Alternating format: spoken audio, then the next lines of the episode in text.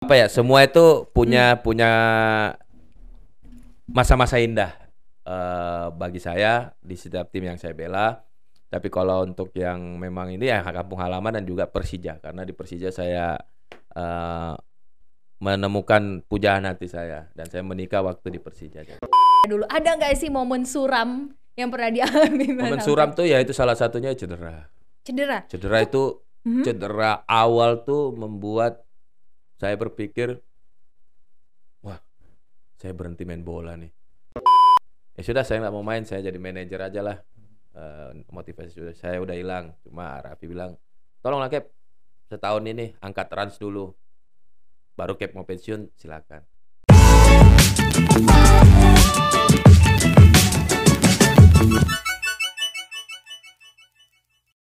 Hai teman-teman semuanya, welcome back to M Goal Indo.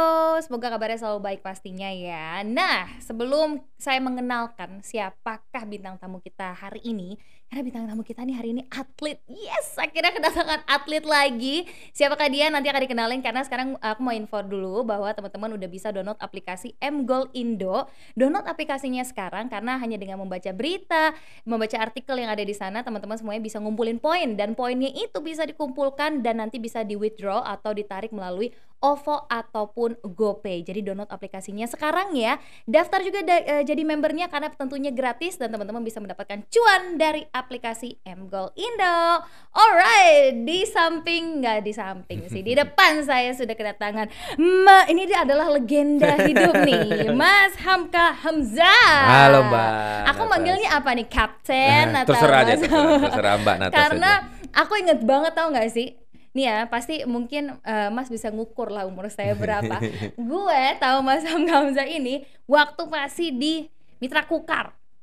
wah kok bisa tahu Karena opa saya tuh seneng banget nonton bola Oh, Indonesia, oke. sangat seneng. Jadi walaupun kalau misalkan nonton, misalkan opa nonton di TV, saya di dapur kan pasti kedengeran Hmm. Iya, dong iya, namanya iya, kan. Oh ini ini, ini gitu. Iya, iya. Tapi kan sebelum itu juga eh, kita akan menguak seperti apa kisah dari Mas Hamka sehingga sampai sekarang masih tetap dijadikan legenda hidup sepak bola. Iya nggak sih? Banyak banget prestasinya luar biasa banget. Saya tahu Mas Hamka nggak tahu secara eh, langsung, tapi maksudnya nonton dan ikut dengar dari gue tuh masih kecil 2000 ya 2011-an Ya, ya, betul, Eh, masih S eh enggak deh SMP lah. Ya, masih SMP, SMP. benar-benar. SMP. Mas, apa kabar hari ini? Alhamdulillah baik saya Alhamdulillah baik. Gimana nih di bulan Ramadan ini kegiatannya lagi ngapain aja Ya, sih? sama seperti teman-teman yang lain, eh, kita fokus berpuasa Iya. karena belum ada kegiatan aktivitas eh, olahraga. Mhm, mhm. Jadi ya di rumah aja lah bersama keluarga. Di rumah bersama keluarga. Keluarga sehat pastinya Alhamdulillah ya. sehat. Alhamdulillah.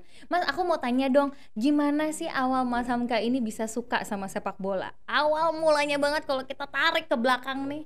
Jadi awal mula kan di- kalau di daerah di kampung halaman saya itu di Makassar, eh, anak-anak kecil tuh memang sukanya bermain bola di jalanan. Kita kan tinggalnya di lorong noh, di Mm-mm. gang lah. Mm-mm. di gang. Jadi setiap sore eh, para pemuda yang ada di daerah saya tuh selalu bermain bola dengan memakai gawang dari batu bata ataupun Pakai sendal. sendal. Nah, nah, kami Iya. yang masih kecil ngikut. Mm-mm. Eh, habis mereka bermain baru kita yang kecil-kecil. Nah, dari situ saya merasa oh, Mhm. main bola enak juga ya.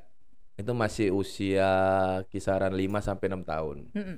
dan akhirnya eh mungkin saya punya niat yang kuat, keinginan yang kuat, akhirnya saya ya udahlah saya seriusin sepak bola. Oh, tapi Itu. dari kecil udah merasa belum sih? Kayaknya gue cocok deh. Kayaknya saya akan eh, bisa sukses di sepak Kalau bola. untuk sukses sih kita belum tahu ya Mbak ya. Jadi tapi untuk menseriusi bidang sepak bola ini sudah ada di diri saya.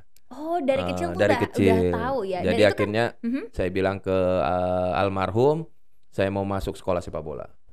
Wow, Gitu. memutuskan akhirnya masuk ke sekolah sepak Sekolah bola sepak itu bola. di umur berapa?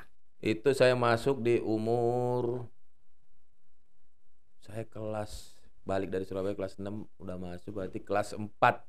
nggak tahu umur berapa tuh lupa saya. Ya kelas 4 SD lah Kelas ya 4 berarti. SD. Oke, dimulainya dari sejak muda dan Sejak pastinya muda. butuh disiplin yang tinggi nggak sih Mas? Dulu waktu ikutan eh, sekolah sepak bola tuh rasanya gimana sih? Apakah eh, lebih disiplin atau gimana kalau Ya, dibandingkan justru- dengan sekolah sepak bola zaman sekarang? Waktu zaman itu kalau kita ikut sekolah sepak bola itu ya sekolahnya berantakan pastinya. Oke, pendidikan ini Pendidikannya ya. pasti berantakan karena eh, kita namanya anak kecil pengen ketemu teman-teman di lapangan Iya, kan. iya. Beda kalau ketemu sama teman di sekolah kan. Hmm. Jadi pengennya tuh ke lapangan ke lapangan.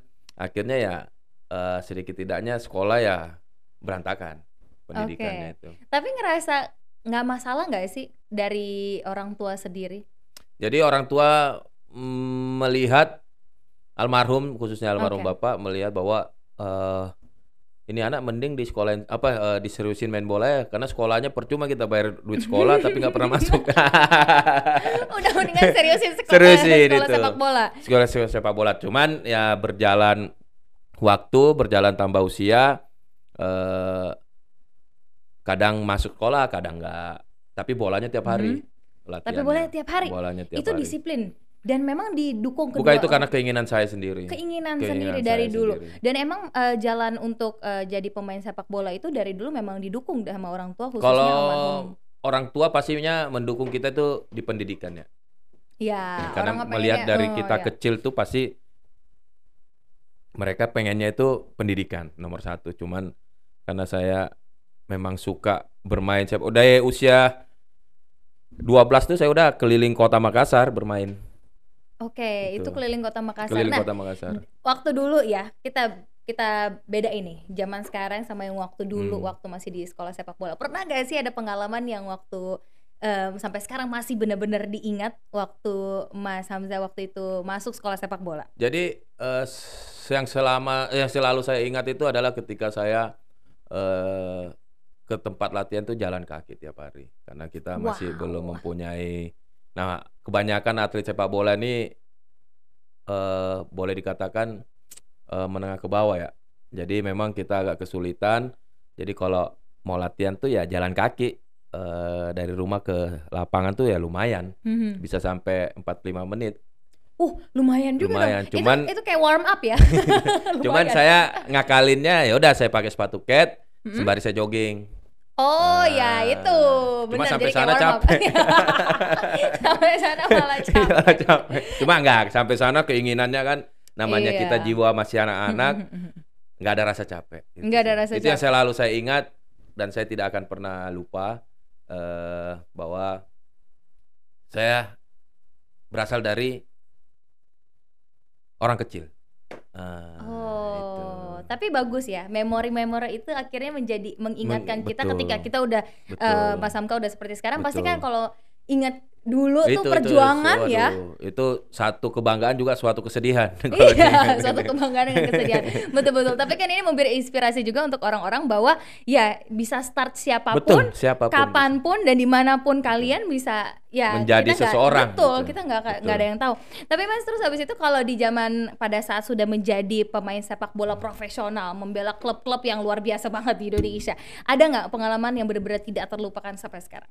Untuk apa tuh? Eh, setelah sudah menjadi Oh, profesional. pa- pasti kalau Mhm. udah menjadi profesional pasti juara lah. Juara, Juara. di sebuah klub itu otomatis eh, suatu kebanggaan Oke. yang tak ternilai. Mhm. Itu sih. Nah, terus aku tahu bahwa Mas Hamka ini kan udah eh, bermain di banyak banget klub yang keren-keren banget Persija, Hmm, Surabaya waktu itu juga ya, Persebaya. Persebaya, terus abis itu Persik Kediri, Persik Kediri, yang tadi saya sebutkan Mitra Mitra Kukar. Kukar. Banyak ya? Banyak, ada berapa sih Mas? Ada kalau sampai sekarang ada 15 kalau nggak salah. Saya 15? lupa udah. Wah, tapi kan melalang buana tuh jadi pengalamannya Ya, apa ya?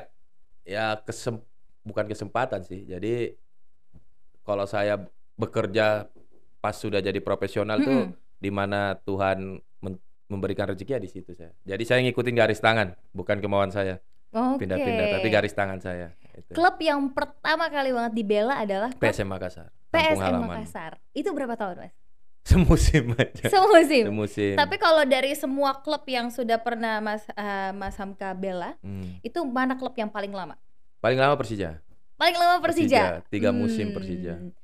Ada ini enggak sih perbandingan yang signifikan dari satu klub di klub-klub yang Jadi lain? semua semua punya punya punya perbedaan ya. Mm-mm. Eh, contoh Ma- PSM Makassar, siapa sih nggak nggak mau bela kampung halaman? Iya benar. Ih, Gitu. pride-nya kan tinggi Pride-nya ya. tinggi dan ditonton oleh masyarakat kita sendiri. Bener, bener, bener. Itu. Jadi setiap tim yang saya bela punya punya eh, keistimewaan semua dan itu eh, ada di hati saya semua. Oke. Gitu. Tapi kalau kita bicara mungkin yang paling berkesan, yang mana? Itu agak susah karena pasti marah semua.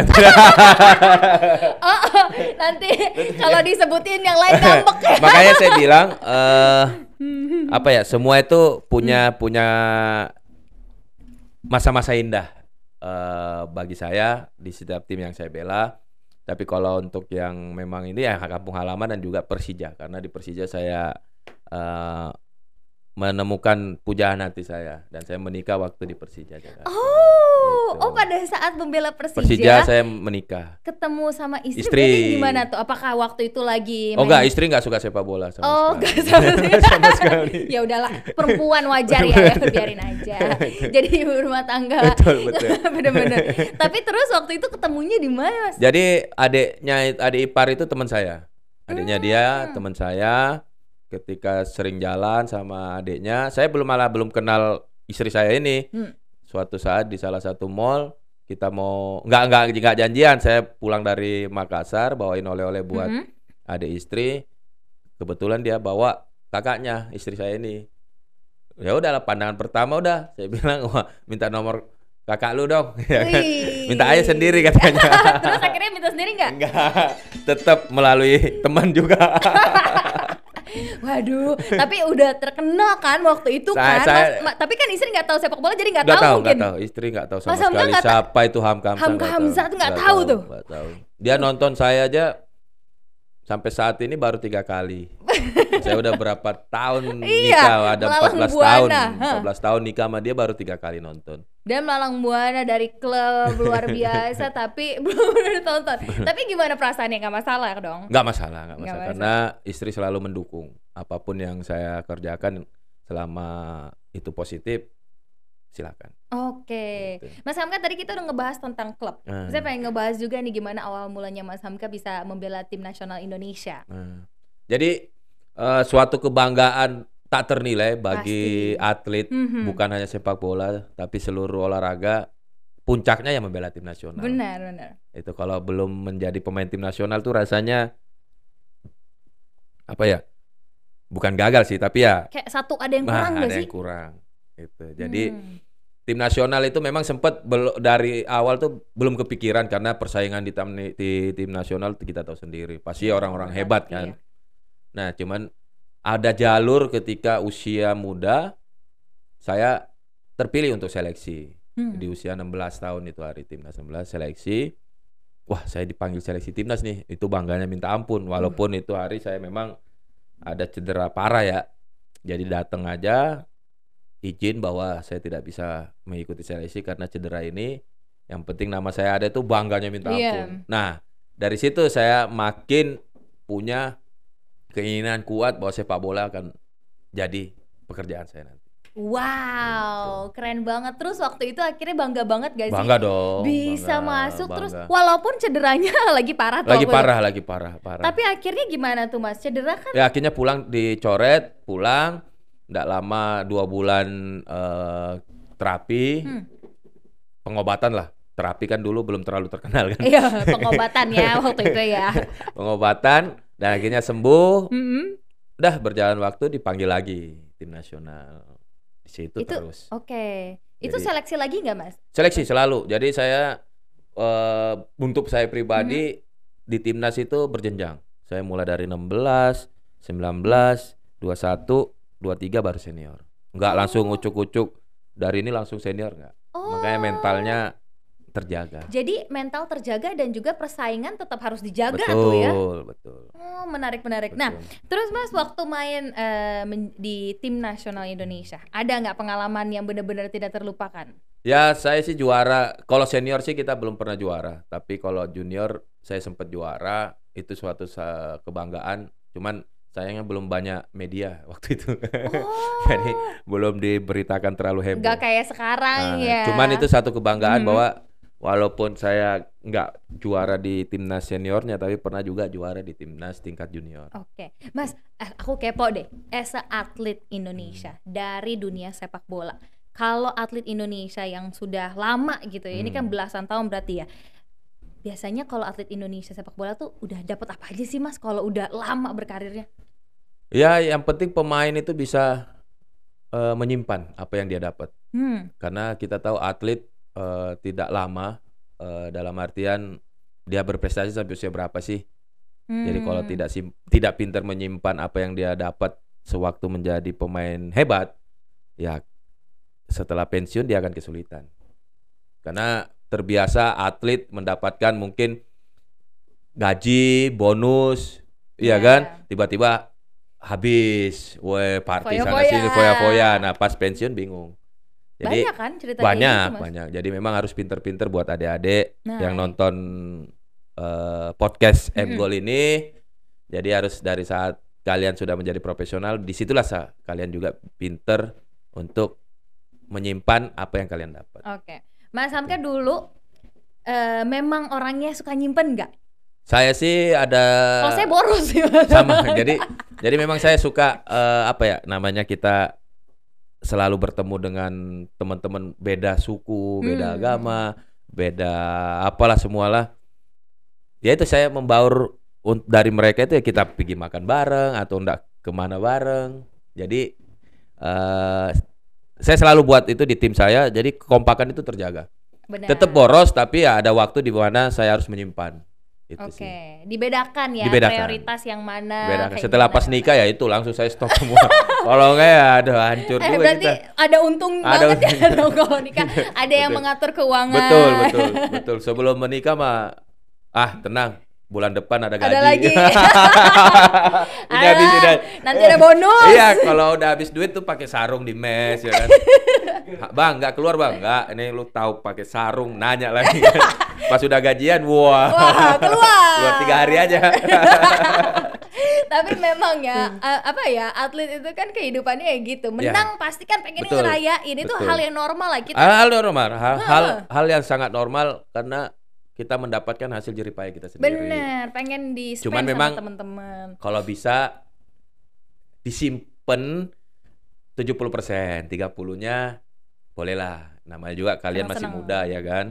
Jangan disimpan 10%, 90%. 90 kebalik dong Kebalik. gitu ya Mas.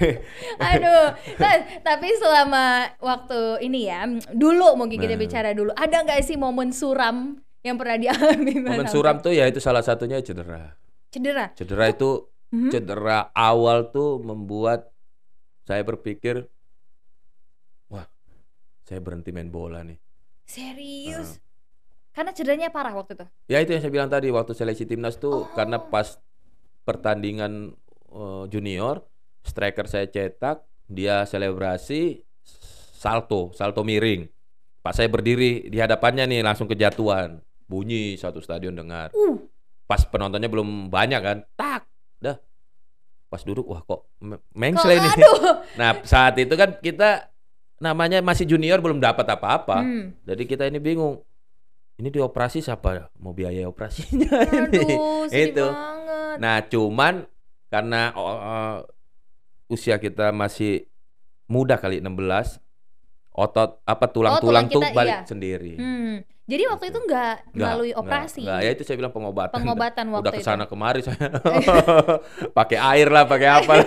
pakai tanah pakai Dan itu nenek yang menyem ya yang menyembuhkannya neneknya teman saya sendiri Samsul Herudin. Wah. Yang sama-sama di tim nasional itu. Untungnya waktu itu cedera parahnya masih muda, ada Masih muda. ada untungnya. Masih muda. Iya bener loh mas, kalau misalkan usia tertentu itu kan tulang masih bisa Betul. balik. Cuma memang Karena kita kan nggak tahu, Mbak. proses.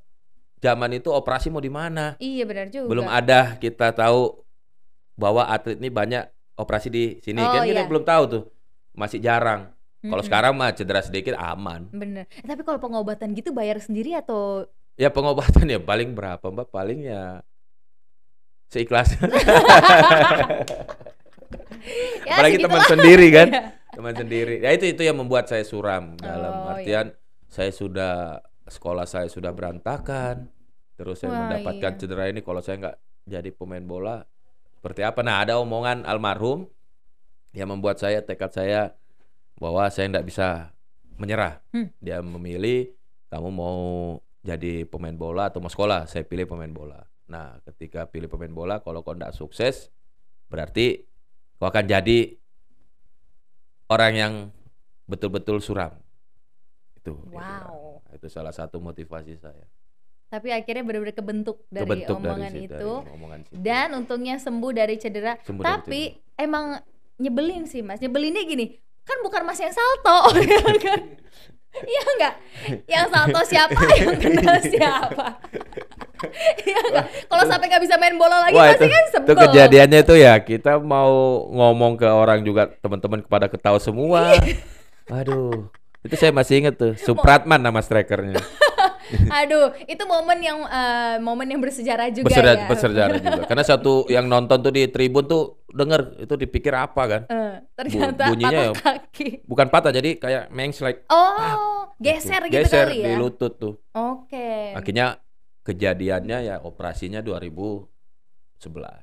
Tetap ada efeknya tuh, terasa. Ada bukan efek jadi eh, kebawa berapa tahun. Jadi Hmm. memang kalau udah nggak kuat ya pasti akan putus uratnya. Oh, oh, gitu. oh ya? Iya. Oh, sampai sekarang juga nggak sih mas? Atau Sekarang ya saya operasi? udah lima kali operasi.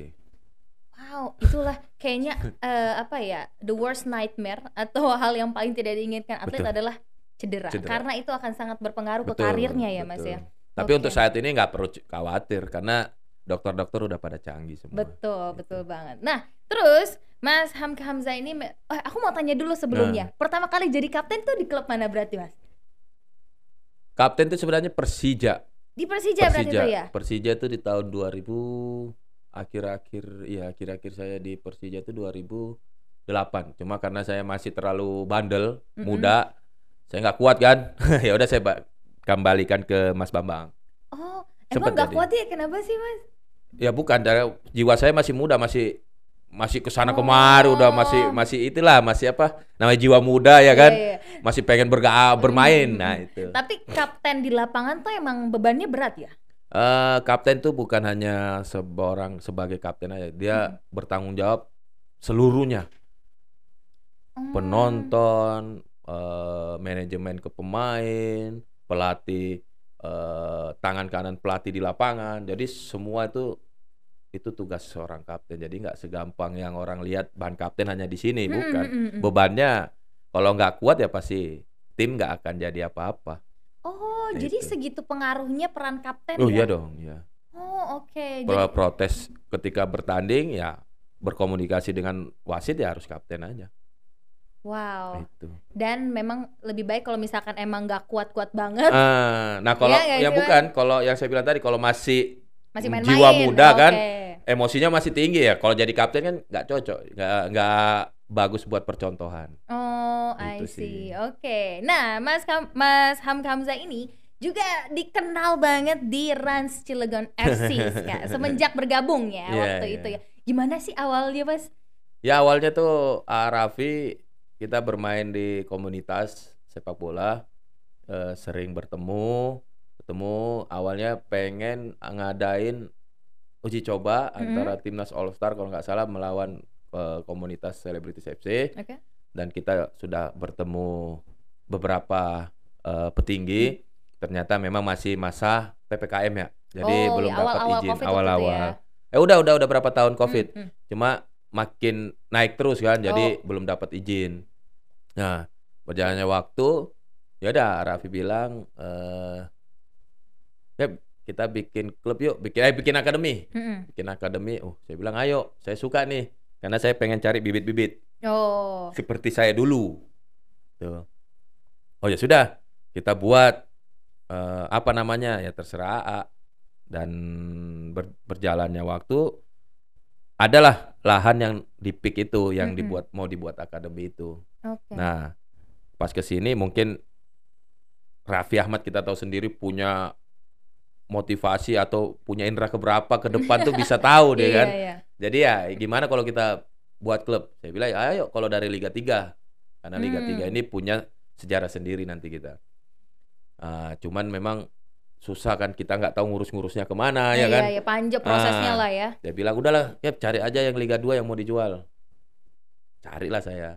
Ketemulah itu Cilegon ini. Itu, itu. Oh, dimodif lah. Dimodif lah jadi Rans. Rans. Tapi yang eh, sekolah ya berarti sebelumnya yang ingin dibangun waktu itu. Akademis sepak Akademi. bola dulu. Nah, akademinya masih jalan nggak Ini sampai baru sekarang? ini kan pembangunan nih Mm-mm. di PIK itu akan dibuat nantinya. Oh, tapi so far udah sempat nyari-nyari belum, eh, Apanya tuh? Mas? Bibit-bibit. Oh, belum, bola? belum, Oke. belum, belum, belum. Rencananya itu akan ke daerah-daerah nggak sih? Eh kalau rencana awal sih yang eh, pertama itu memang untuk disediakan Mhm. mereka yang akan datang mungkin. Oh gitu, Ah, ah. jadi lebih mudah juga ya Betul. orang tahu eh, base-nya harus ke mana Betul, gitu ya. betul. Oke. Nah terus yang aku baca di sini juga Mas Hamkamza ini bermain sekaligus menjadi manajer di Rans Cilegon FC. Ini susah nggak sih? Jadi manajer aja susah, jadi pemain doang aja juga susah. Terus manajer dan pemain ini kan double gitu. ya. Awalnya sih saya sudah nggak mau main bola Mm-mm, Oke. karena waktu sebenarnya saya pensiun tuh di Persita 2000 berapa tuh ya? Lupa saya 2020 ya. Hmm. Pandemi 2000 berapa? Dua, 2019 eh 2020. Ya 2020, itu. Maret awal-awal. Nah, saya pikir pandemi ini cuma seminggu. ya kan awal-awalnya kan. Ah paling apa? Aku Ya. juga siapa lah yang menyangka akan dua minggu ini. Ya, dua minggu benar. ke sini ke sini ke sini waduh udah berapa tahun nih sedangkan usia sudah memang masuki masa pensiun dan motivasi udah hilang udahlah saya pensiun aja lah nah adanya Raffi pengen buat akademi semangat saya. Mm-mm. nah pas mau dapat klub ini ya sudah saya nggak mau main saya jadi manajer aja lah. Eh, motivasi sudah saya udah hilang. Cuma Raffi bilang tolonglah Cap setahun ini angkat trans dulu. Baru Cap mau pensiun silakan saya bilang saya coba dulu saya Mm-mm. cari motivasi saya dulu karena kan bermain. motivasi itu susah Mbak. Bener, apalagi dalam masa waktu awal covid kan pasti kan latihan juga jarang ya Betul. nggak sih? jadi untuk motivasi kita bertanding aja udah hilang akhirnya saya cari cari selama empat bulan ketemu Ketemunya di titik apa di kira-kira? titik Oke pas deh, saya kita uji coba kalah Wah, karena motivasi keluar tuh ketika ketika saya mendapatkan kritikan Wow, ini menarik. Betul. Justru kalau dapat kritikan malah langsung malah naik bahwa ini Hamka Hamsa belum habis Wih, Itu. keren banget. itu yang saya dapat Ini bukan saya, Nah, gitu dan ya. itu saya dapatnya pas kalah lawan tim yang salah satu seperti keluarga buat saya itu Arema Oh, oh iya, Arema. kalah lawan Arema 6-1 kalau nggak salah cuma mereka mengkritik dengan nada candaan karena saya kan deket sama Aremania Mhm. wah sama kau tua ini ini nih cuma saya baca oh muncul di situ saya bilang saya belum habis Wow, keren banget. Eh, Jadi akhirnya comeback ya. comeback lagi Comeback. dan Tapi- alhamdulillah membawa Rans lolos Iya. ke Liga 1 Lolos ke Liga 1 ini luar biasa loh. tanpa orang dulu hanya bilang ini tim konten ya kan Iya. saya aja youtuber juga kan pemiliknya apalagi kan saya Bener. latihan aja saya youtubin Siapa yang ini niat nggak ini tim kan Bener-bener. ya karena kalau ada mereka kan nggak tahu bahwa di dalam tim ini punya niat satu tujuan yang kuat dan sama Mhm. kalau yang di kamera-kamera kan ya, ya kita namanya selesai latihan ya kita konten tapi pas latihan kalian nggak tahu Seri, gitu iya benar. Kalau misalkan sih. pada saat latihan kan bisa jadi classify, maksudnya betul memang tidak untuk dipertontonkan Betul, gitu, itu. bener-bener. Eh, tapi tertipu lah masyarakat tertipu bener. Dari Liga 2 lolos, tiba-tiba lolos lolos, gitu. bener. Dan saat ini kan memang pertarungan untuk masuk ke Liga 1 kan susah Wah, berat, banget. berat. Kemarin sangat berat. Di Liga 2 maksudnya bener-bener sekarang nih lagi masa momen-momen Liga 2 kemarin tuh banyak tim-tim sejarah. Hah. Sriwijaya, Medan, PSIM eh, yang saya rasa memang patut diperhitungkan kemarin. dan ternyata lolos ini Nah, akhirnya lolos. membuktikan Dan Ras punya juga Hamka ya. Mungkin. Iya. Punya Itu. semuanya. Karena Itu yang tidak dimiliki klub lain adalah Captain Hamka Hamzah. enggak, karena filosofinya Araf itu tidak ada super eh, Superman yang ada super tim. Jadi Ya, di semua Tidak ada. Superman, ada, ada super, super tim. eh, satu tim ya, Satu bukan tim. individu. Bukan individu. Oke, ini menarik. Eh, tapi aku mau nanya juga dong Mas, gimana sih em, eh, opininya tentang banyak banget. Waktu itu sempat aku lihat eh, timnas putri. Hmm. Eh, jadi timnas putri sempatlah dikritik nih oleh masyarakat bagaimana mereka ini sering banget main sosial media, Oke. as eh, TikTok, eh, Instagram, you name it. Dan banyak banget sekarang kan atlet-atlet yang memang di sosial medianya pun juga besar gitu kan, main sosial media. Betul. Nah, eh, tanggapan Mas sendiri tentang hal ini seperti apa? Ya, tanggapan saya sih berubahnya zaman ya kita harus mengikuti. Benar, oke. Tetapi saya selalu mengingatkan buat adik-adik, ketika kalian kuat apa bisa untuk dipuji setinggi langit, harus bisa juga dikritik sampai ke bawah dasar bumi. Kalau kalian belum kuat, jangan main. Tapi kalau kalian kuat, silakan. Mantap. Gitu. Wah, full of quotes ya hari ini. Tapi bener loh. Eh, dalam waktu kita misalkan bermain sosial media kan kita kan juga Betul. pasti akan nerima kritikan Betul, yang tajam betul. apalagi kalau kalah. Betul. Tapi Pas ketika kalah kan- menang, waduh, Wah. terbang kayak Superman kan. Iya. Bukan lagi yang muji juga Betul, pasti betul. banyak banget. Nah, Cuman saya selalu bilang kalau kalian masih nggak bisa di mbak nggak bisa terima kritik, kadang kan ada tuh lagi bagus komen dibuka, Iya. pas lagi performanya jelek komennya Komen tutup, berarti kan labil itu kan. takut takut di komen. Tapi memang ya namanya perubahan zaman ya memang kita harus ikuti zaman. Benar. Nggak bisa juga kita larang mereka itu hak mereka kan. Tapi Hmm. ya saya, saya bilang tadi harus siap menerima pujian, siap juga menerima kritik. Oke, Mas Hamka, selama jadi manajer juga di Hmm. Rans Cilegon FC, em, apa nggak ada nggak sih kesulitan saat as a manager? Kalau kesulitan sih saya rasa eh, ada sedikit masalah ketika eh, harus fokus ke latihan untuk memikirkan tim ini dibawa ke mana, Mhm. sedangkan harus juga memikirkan apa permasalahan dari pemain ini. Oh itu bercampur tuh di kepala tuh. Bingung nih akhirnya kan. Banyak Ya, banget sempet nih. sempet saya bingung tuh sempet dan alhamdulillah dibantu teman-teman semua eh, pengurus berjalan dengan lancar. Oke, tapi kalau disuruh pilih nih, enakan jadi manajer atau jadi pemain? Saya, rasa saya jadi pemain. Jadi pemain. Jadi pemain sepak bola itu adalah apa ya, cita-cita sudah saya dari. Cita-cita. Ini aja mau pensiunnya ya rasanya agak masih berat. Karena udah menemukan kembali cintanya, ibaratnya Cintanya, gitu ya betul. di sepak bola. Tapi kalau memang nantinya nih em, akan ada masanya pasti kan. Betul betul betul. Yang Mas Hamzah akhirnya memutuskan untuk oke, betul. ini waktunya benar-benar pensiun. Nanti ke depannya mau apa? Apakah Ya itu yang akan mungkin apa yang Mbak? Natasha bilang tadi. Apa tuh? Ya mungkin jadi pengurus atau Jadi apa kan. pengurus Gitu ya, aja. tapi kan yang penting masih melekat lah ya di dunia sepak bola. Betul, betul, betul. Kita kan juga merindukan, pengen ngeliat nih. Walaupun tidak di on stage Betul, di betul. lapangan, backstage tetap ada dong. Tapi ya tetap garis tangan saya ke mana arahnya. Bener, tetap mengikuti Gitu, kata betul. hati juga ya. Oke, nah aku mau nanya lagi Mas Hamzah nih Boleh, selama eh, selama bulan Ramadan kayak gini Hmm. ya. Ini eh, apa aja sih yang dilakukan eh, dari klub yang Mas Hamzah di Rans atau Nah. mungkin di kehidupan pribadi itu lagi ngapain aja sih? Nah untuk kalau saat ini kan saya lagi break belum ada eh, apa klub Hmm. karena saya pasca operasi. Jadi Oke. saya sekarang kesibukannya ini di bulan puasa yang saya bilang tadi eh, fokus ibadah. Kedua saya juga selang-seling itu ada terapi, Oh, terapi oke. kaki karena pasca operasi jadi harus visio terus.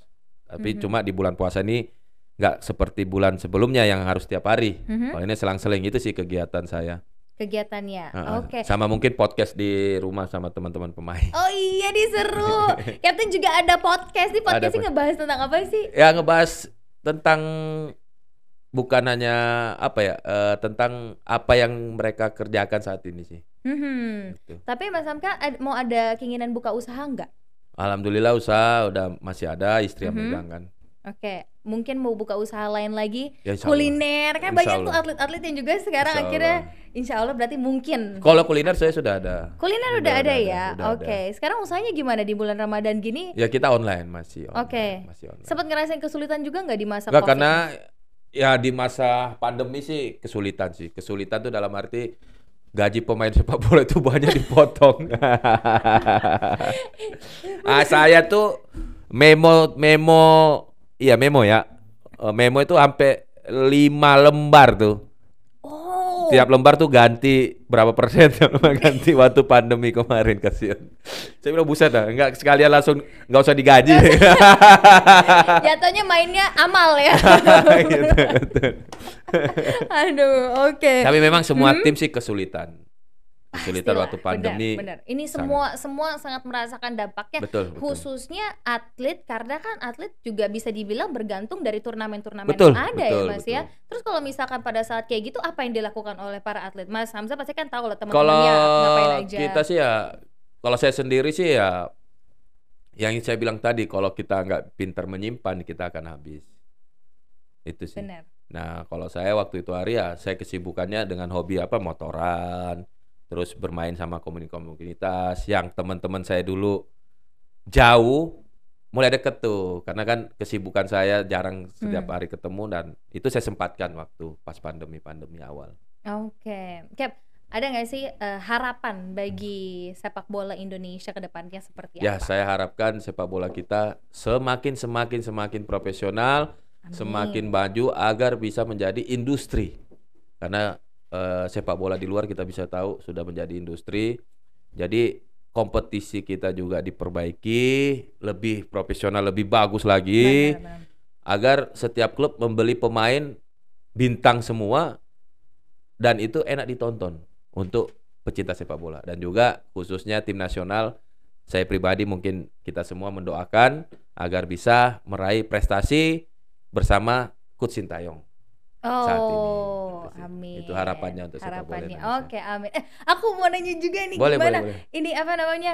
Kesannya melihat Rans akhirnya merekrut ini Ronaldinho. Merekrut Ronaldinho, Ronaldinho ya saya saya belum tahu tuh. Tapi cuma memang kalau merekrut saya belum tahu. Tapi Oke. memang mau didatangkan gitu. Mm-mm. Ya. Tapi eh, kesannya dari Cap sendiri Ya gimana? itu sangat sangat sangat bagus ya. Di mana kita tahu Ronaldinho ini pes- pes-. Wih, penyihir sepak bola. Brazil luar biasa. penyihir kan di lapangan hijau. Itu akan membuat eh, sepak bola kita Indonesia ini meriah lagi.